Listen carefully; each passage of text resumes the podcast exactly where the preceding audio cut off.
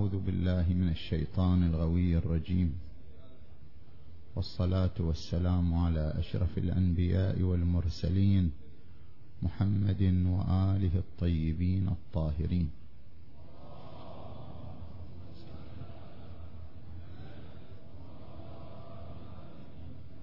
بسم الله الرحمن الرحيم. مثل كلمة طيبة كشجرة طيبة. أصلها ثابت وفرعها في السماء. تؤتي أكلها كل حين بإذن ربها. صدق الله العلي العظيم. انطلاقا من الآية المباركة. نتحدث عن عدة محاور. المحور الأول في كلمة السيدة الزهراء. سلام الله عليها. فإنها من مصاديق ومظاهر الكلمة الطيبة. والشجرة الطيبة. السيدة الزهراء حينما وقفت وخطبت خطبتها المعروفة في مسجد رسول الله صلى الله عليه وآله افتتحت خطبتها بقولها الحمد لله الذي ابتدع الأشياء لا من شيء كان قبلها. وهنا يقف المتأمل ليتساءل ما معنى هذه الكلمة؟ ابتدع الأشياء لا من شيء كان قبلها. الزهراء عليها السلام لم تقل ابتدع الأشياء من لا شيء ولم تقل ابتدع الأشياء من شيء وإنما قالت ابتدع الأشياء لا من شيء لا من شيء كان قبلها. لماذا اختارت هذا التعبير؟ لا من شيء كان قبلها ولم تعبر بالتعبيرات الأخرى. هذا التعبير لا من شيء كان قبلها إشارة إلى عنوان الابتداع. هناك فرق بين الابتداع وبين الخلق. الزهراء لم تقل خلق الأشياء قالت ابتدع الأشياء. هناك فرق بين عنوان ابتداع الأشياء وعنوان خلق الأشياء. فرق بين الخلق والابتداع. ما هو الفرق بينهما؟ الخلق يتوقف على وجود مادة. الخلق هو عبارة عن تأليف الصور بالمادة. يعني هناك مادة. من هذه المادة أنا أقوم بصنع صور معينة. أمامي مادة خشبية أصنع منها صور معينة. هذا يسمى خلق. الخلق هو صنع الصور من المادة. تأليف الصور من المادة. فالخلق يحتاج إلى مادة. لذلك تلاحظ القرآن الكريم عندما يذكر كلمة الخلق كثيرا ما يقرنها بالمادة لأن عملية الخلق تحتاج إلى مادة تصنع منها الصور وتؤلف منها الصور. إني أخلق لكم من الطين. هناك مادة طينية صنع منها صورا. إني أخلق لكم من الطين كهيئة الطير فأنفخ فيه فيكون طيرا بإذن الله. أو يقول لقد خلقنا الإنسان من سلالة من طين ثم جعلناه نطفة في قرار مكين. وهكذا الخلق يتوقف على وجود مادة تصنع منها الصور.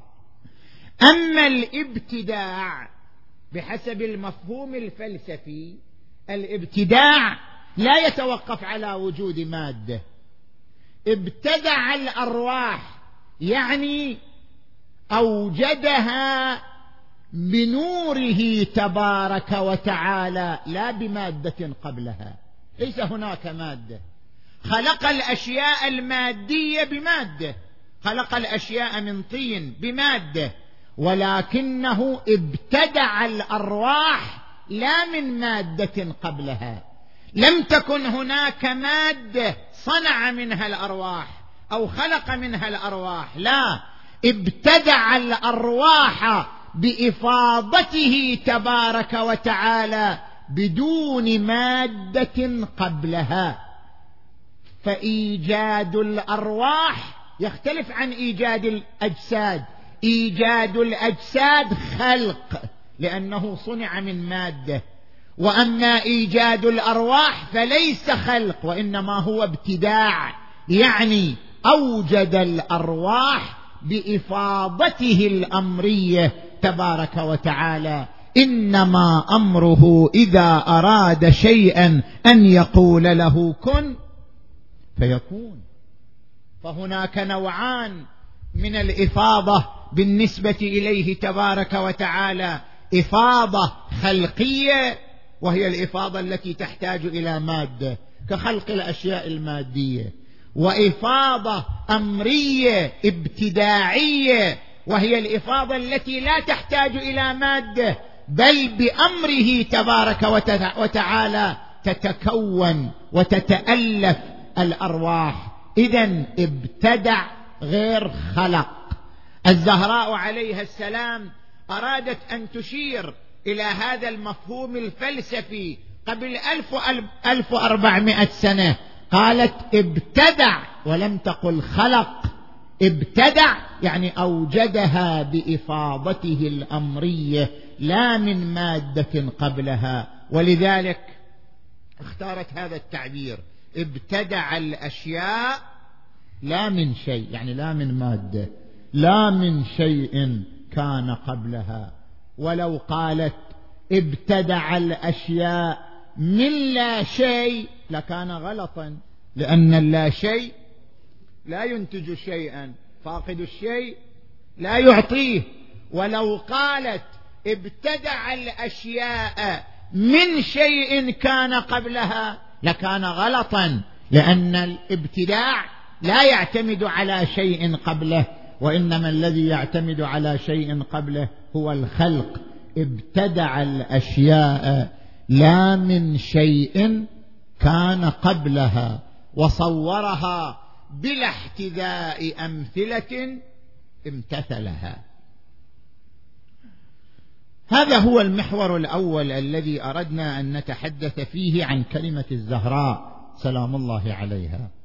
المحور الثاني الكلمة متقومة بالمظهرية. يعني الكلمة هي مظهر المتكلم. مظهر المتكلم كلمته. إذا أردت أن تعرف شخصية أي متكلم فاسمع إلى كلامه. كلامه مظهر شخصيته. كلامه يظهر مدى فكره يظهر مدى خطه يظهر مدى توجهه يظهر مدى تطلعاته. كلام المتكلم مظهر لشخصيته.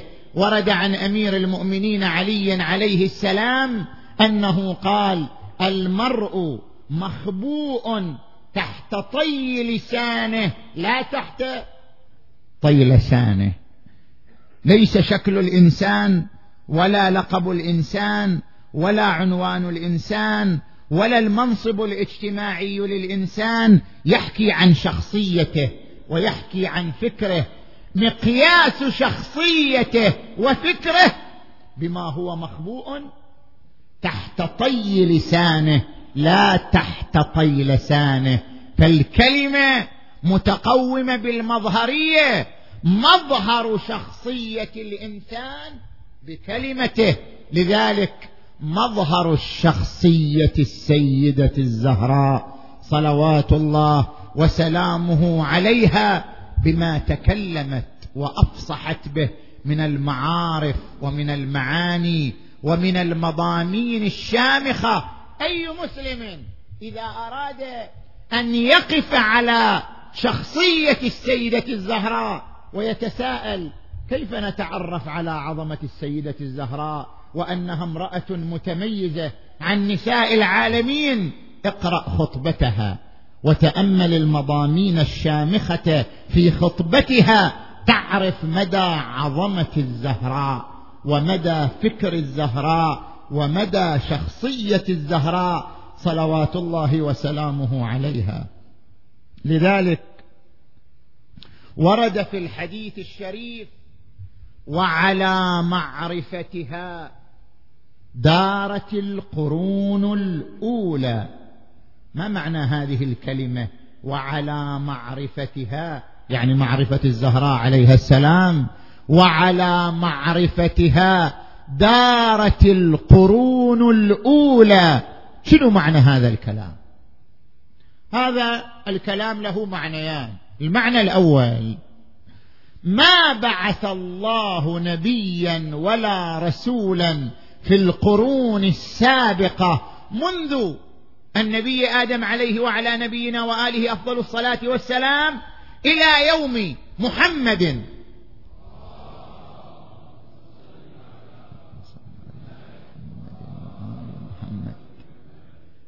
إلى يوم النبي صلى الله عليه وآله إلا وألهمه معرفة السيدة الزهراء.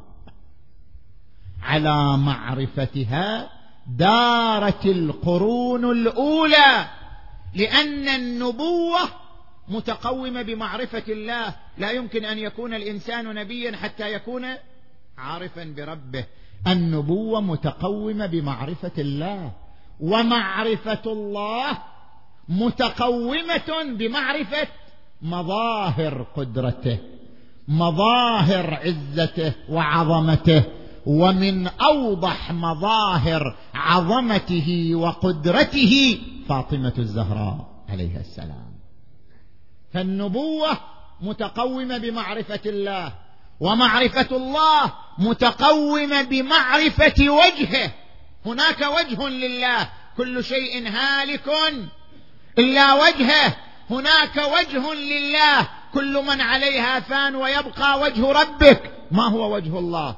وجه الله وجوده الظلي ووجوده الظلي هو الوجود الذي يحكي عظمته ويحكي قدرته ويحكي إبداعه. والوجود الذي يحكي عظمته وقدرته وإبداعه هو محمد وآل محمد وأوضح مصداق لذلك فاطمة الزهراء.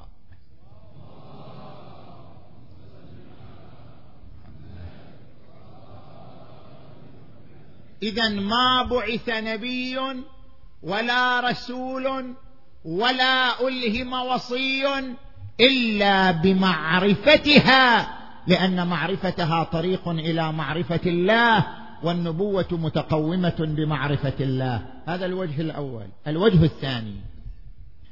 هذا الكون كله بأسره. هذا الوجود كله من أصغر ذرة إلى أعظم مجرة. لماذا خلق؟ ما هو الهدف من خلقه؟ الهدف من خلقه معرفته بربه. حتى هذا الحجر حتى هذا الجبل الصلد حتى هذه الصخرة الصماء خلقت لتتعرف على خالقها لتتعرف على بارئها. من أين نعرف هذا؟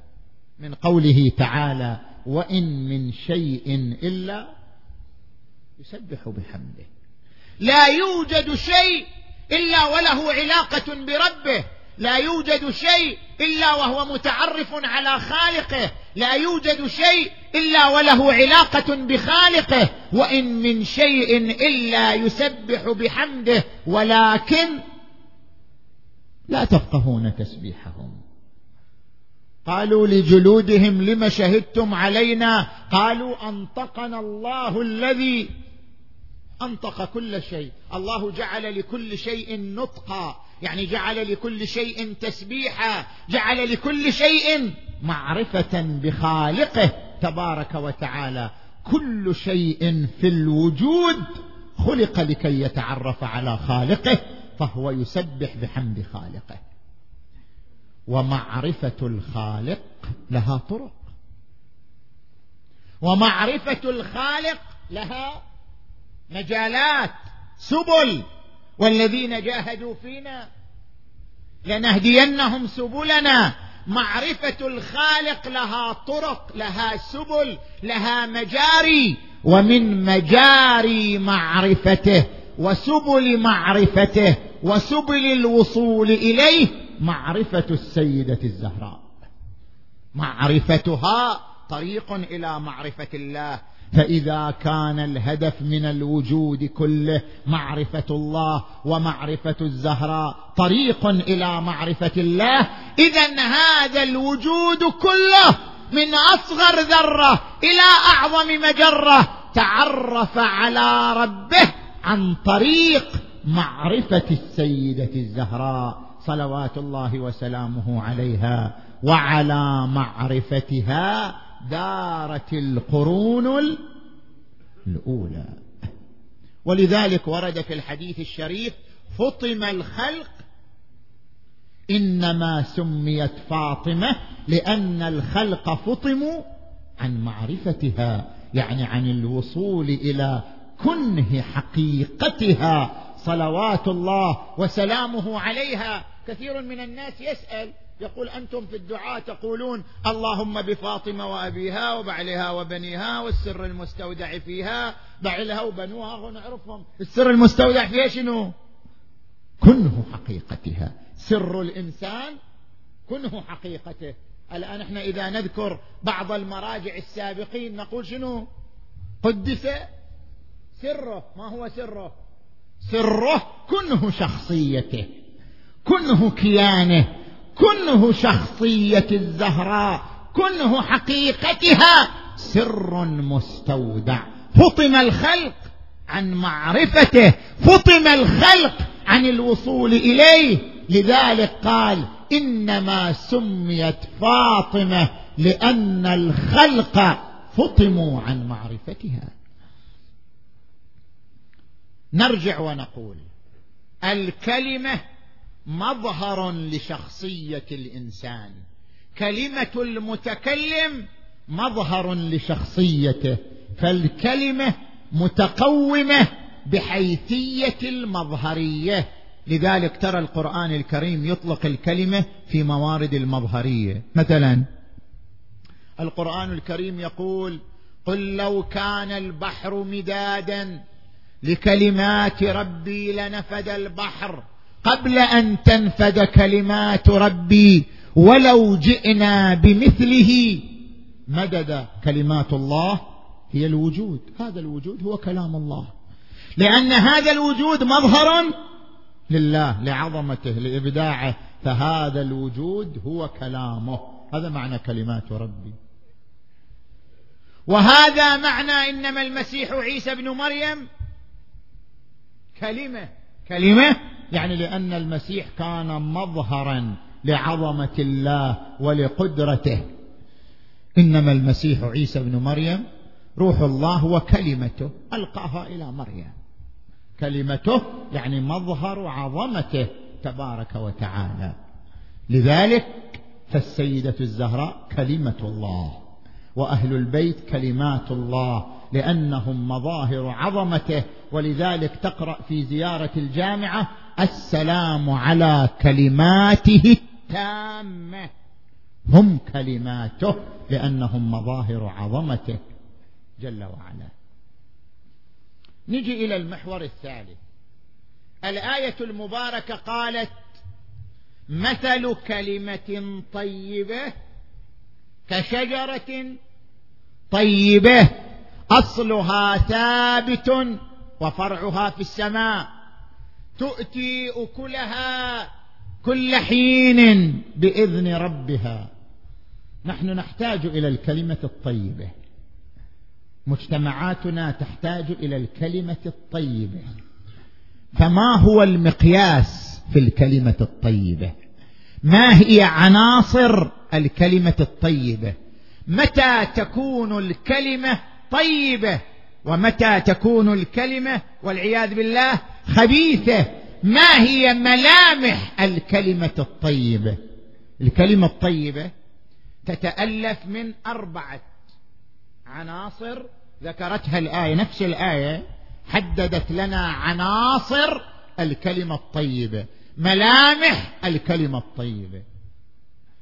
ما هي عناصر الكلمة الطيبة؟ مثل كلمة طيبة كشجرة طيبة. العنصر الأول أصلها ثابت. الكلمة الطيبة فيها عنصر الأصالة أصلها ثابت. إشارة إلى عنصر الأصالة. لا تكون الكلمة الطيبة ما لم يكن لها أصالة. وما هو معنى الأصالة؟ يقال هذا فكر أصيل هذا فكر دخيل هذا فكر عليل. ما معنى الفكر الأصيل؟ الأصالة بأن يكون الفكر عقلانيا.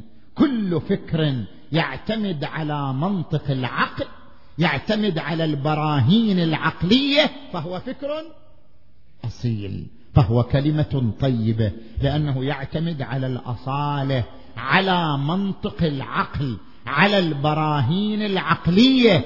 هذا يسمى فكر أصيل كلمة طيبة. مع الأسف إحنا الآن في هذا العصر وفي هذا الزمن من الله علينا بمجموعة من القنوات الفضائية التي ترتبط بالمدرسة الإمامية.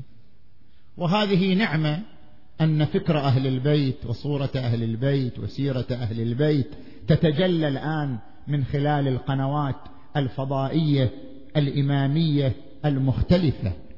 ولكن هذه القنوات تحتاج إلى تخطيط تحتاج إلى حسن إدارة تحتاج إلى تخطيط وإدارة من أجل أن تظهر صورة أهل البيت بأروع بأروع مثلها وأروع جوانبها وأروع ألوانها. نحن نلاحظ في بعض القنوات في بعض الأحيان. من يظهر على هذه القنوات ويتكلم بلا أدلة ويتكلم بلا براهين. يطرح ادعاءات كبيرة وضخمة من دون أدلة ومن دون براهين. يطرح افكارا هي من سنخ الأحلام والرؤى أو من سنخ الذوقيات أو من سنخ القضايا الشخصية التي لا يسندها برهان ولا يسندها دليل ولا يدعمها منطق العقل. هذا الطرح يسيء إلى الفكر الإمامي أكثر مما يخدمه.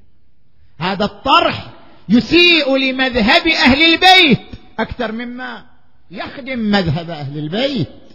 هذا الطرح يرجعنا إلى الوراء يرجع مذهبنا إلى الوراء. نحن نحتاج إلى طرح عقلاني طرح يستند إلى الأدلة يستند إلى البراهين. لا إلى طرح هو مؤلف من أحلام ورؤى وذوقيات وتصورات شخصية.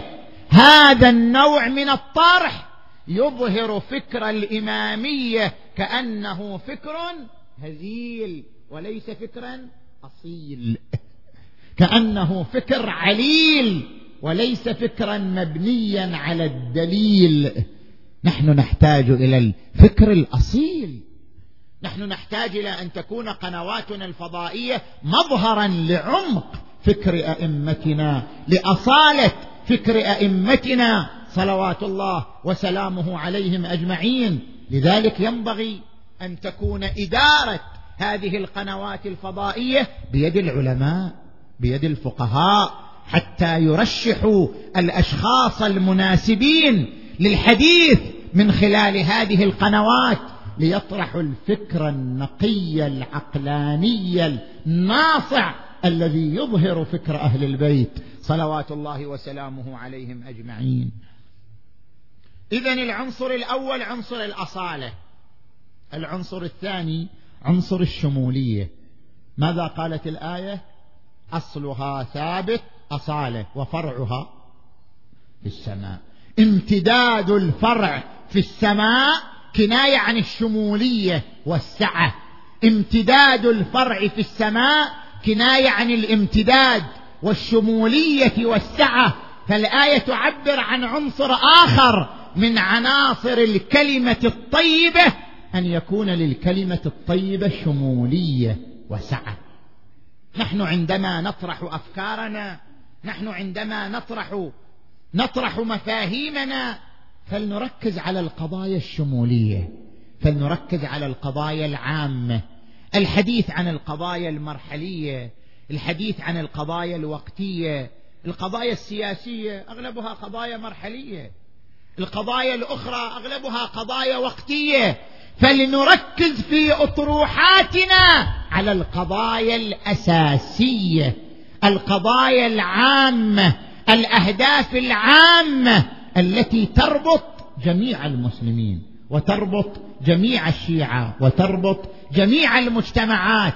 ليكن أطروحاتنا تركز على مفاهيم شمولية يحتاج إليها الجميع ويفتقر إليها الجميع. في كل مجتمع وفي كل زمان وفي كل مكان وبالتالي يكون الطرح طرحا شموليا وتكون الكلمة طيبة لأنها ترتكز على العنصر الشمولي ترتكز على عنصر الشمولية. زين هذا العنصر الثاني. العنصر الثالث هو عنصر بناء الأسس. الآية المباركة قالت تؤتي أكلها كل حين. كيف أنت تقدر تقدم عطاء مستمر؟ أنا أتكلم وأمشي لكن هل يبقى كلامي مستمرا؟ كيف يبقى كلامي مستمرا في النفوس؟ كيف يحيي النفوس؟ كيف يؤثر فيها؟ كيف يبقى صداه ويبقى ويبقى نتاجه ويبقى أثره في النفوس؟ تؤتي أكلها كل حين. يعني عطاء متجدد. عطاء مستمر عطاء متفاعل لا يقف عند حد. الكلمة الطيبة من عناصرها العطاء المتجدد العطاء المستمر. والعطاء المتجدد المستمر يتوقف على أن تهتم بالأسس. إذا الإنسان بنى الأسس صار عطاؤه عطاء مستمرا. إذا الإنسان أمام بناء مهدم وهو يلفق ترى يردم هذه النافذة وتارى يسد هذه الثغرة وتارى يسد هذه الهوه ما يفيد هذا؟ هذا كل عملية ترقيع. هذا كل عملية ترميم. عملية الترقيع والترميم لا تقدم عطاء مستمرا. الذي يقدم العطاء المستمر بناء الأسس بناء الأصول بناء الدعائم. إذا كان اهتمامنا في أطروحاتنا ومفاهيمنا على بناء الأسس العقائدية على بناء الأسس في الآداب والأخلاق والسلوك على بناء الأسس في التحليل الفكري كان ذلك مصدرا للعطاء المستمر المتجدد. بعد العنصر الرابع بإذن ربها. تؤتي أكلها كل حين بإذن ربها. إذنه يعني الاستمداد منه الاستناد إليه. كي تكون الكلمة الطيبة كي تكون الكلمة طيبة فلا بد أن تستمد الطيب من مصدر الطيب ومن معدن الطيب. معدن الطيب ومصدر الطيب محمد وآل محمد.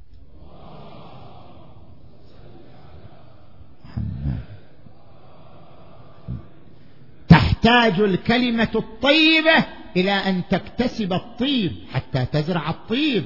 زرع الطيب ونشره يحتاج إلى طيب والطيب يؤخذ من معدنه لا يؤخذ الشيء إلا من مصادره. ومعدن الطيب من كانوا طيبا وخلقوا طيبا وهم أهل بيت النبوة. صلوات الله وسلامه عليهم أجمعين.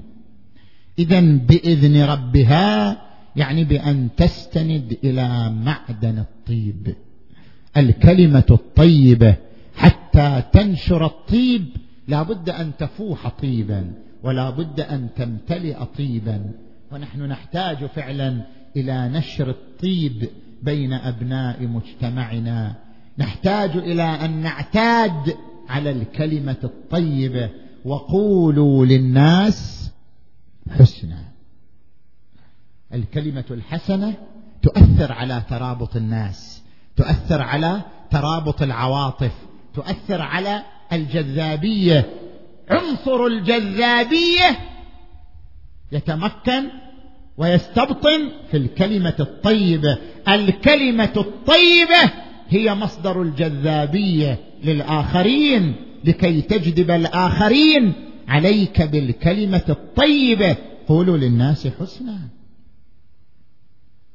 وقال تبارك وتعالى ادفع بالتي هي أحسن. مو هي أخشن هي أحسن. فإذا الذي بينك وبينه عداوة كأنه ولي حميم. راجع. علماء النفس ماذا يقولون؟ خصوصا المدرسة التحليلية في علم النفس. يقولون الكلمة كلمة الحب تزيل التوتر.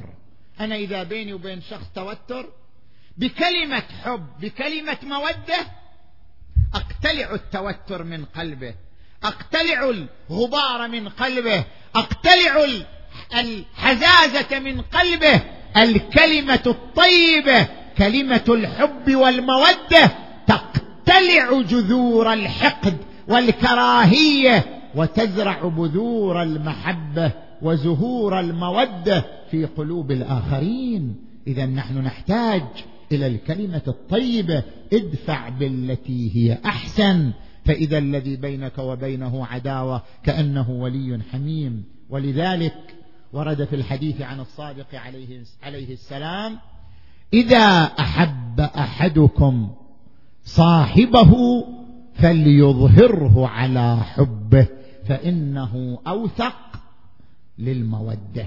يعني إذا قال له أنا أحبك وأعزك وأحترمك يجذبه إليه يقوي العلاقات الاجتماعية. هذا الإنسان الذي ينشر كلمات المحبة على لسانه وبين شفتيه هو يبني مجتمعا. مترابطا من حيث لا يشعر. أنا أبني مجتمعا مترابطا متاخيا من حيث لا أشعر. ببعض الكلمات ببعض الحروف البسيطة أنا أبني مجتمعا متاخيا من خلال نشر الكلمة الطيبة ونشر كلمة المحبة. وقال تبارك وتعالى ادع إلى سبيل ربك. بالحكمه الحكمة يعني تخطيط. ترى العمل العمل الإسلامي والعمل التبليغي مو خربطة مثل ما نشوف في كثير مع الأسف من أعمالنا خربطة لا لها أول لا لها تالي ما تدري مبنية على شنو. لا نتعامل في مشاريعنا بحسن إدارة دائما مشاريعنا مخربطة دائما مشاريعنا مبعثرة مشاريعنا ثقافية اجتماعية خيرية مسجدية مأتمية تحتاج إلى تخطيط تحتاج إلى حسن إدارة تحتاج إلى خطط خمسية وعشرية ومراحل وقراءة للتجربة ودراسة واستفادة من الأخطاء. وإحنا على الله يا زرع الله. ماشية الأمور بالبعثرة والخربطة. ولذلك نتاجنا قليل إنتاجنا قليل. مشاريعنا كثيرة لكن إنتاجنا قليل وأثرنا قليل لأننا لا نعتمد على حسن الإدارة. ادع إلى سبيل ربك بالحكمة. تخطيط. بعد والموعظة الحسنة. وجادلهم بالتي هي أحسن لا بالتي هي أحسن. اجذب الآخرين نحو الدين نحو الإسلام نحو المذهب نحو العقيدة نحو أهل البيت. بالكلام الهادئ بالفكر المبني على الأسس والدعائم العلمية وجادلهم بالتي هي أحسن. وهكذا كلمات كثيرة ونصوص كثيرة تؤكد على أهمية الكلمة الطيبة. وعلى أن ننشر ما بيننا الكلمة الطيبة وأن نتعامل دائما بالبسمة والكلمة العذبة والكلمة الجذابة لنزرع الأخوة والترابط ما بيننا وبين قلوبنا وأنفسنا. نسأل الله تبارك وتعالى أن يجعلنا من ذوي الكلمة الطيبة وأن يجعلنا ممن سار على خطى أهل الكلم الطيب محمد وأهل بيته الطيبين الطاهرين صلوات الله وسلامه عليهم أجمعين. اللهم بحق الزهراء وأبيها وبعلها وبنيها والسر المستودع فيها تقبل أعمالنا. واشف مرضانا ومرضى المؤمنين والمؤمنات واقض حوائجنا وحوائج المؤمنين والمؤمنات. اللهم اغفر ذنوبنا واستر عيوبنا وكفر عنا سيئاتنا وتوفنا مع الأبرار. اللهم نبهنا من نومة الغافلين. اللهم نبهنا من نومة الغافلين. اللهم نبهنا من نومة الغافلين. اللهم كن لوليك الحجة بن الحسن. صلواتك عليه وعلى آبائه في هذه الساعة وفي كل ساعة. وليا وحافظا وقائدا وناصرا ودليلا وعينا حتى تسكنه أرضك طوعا وتمتعه فيها طويلا. اللهم انصر الإسلام والمسلمين واخذل الكفار والمنافقين. اللهم أيد واحرس إخواننا المؤمنين والمسلمين في العراق وفي لبنان وفي فلسطين وفي كل مكان. يا رب العالمين وارحم أمواتنا وأموات المؤمنين والمؤمنات وإلى أرواح أموات الجميع. بلغ ثواب الفاتحة. تسبقها الصلوات.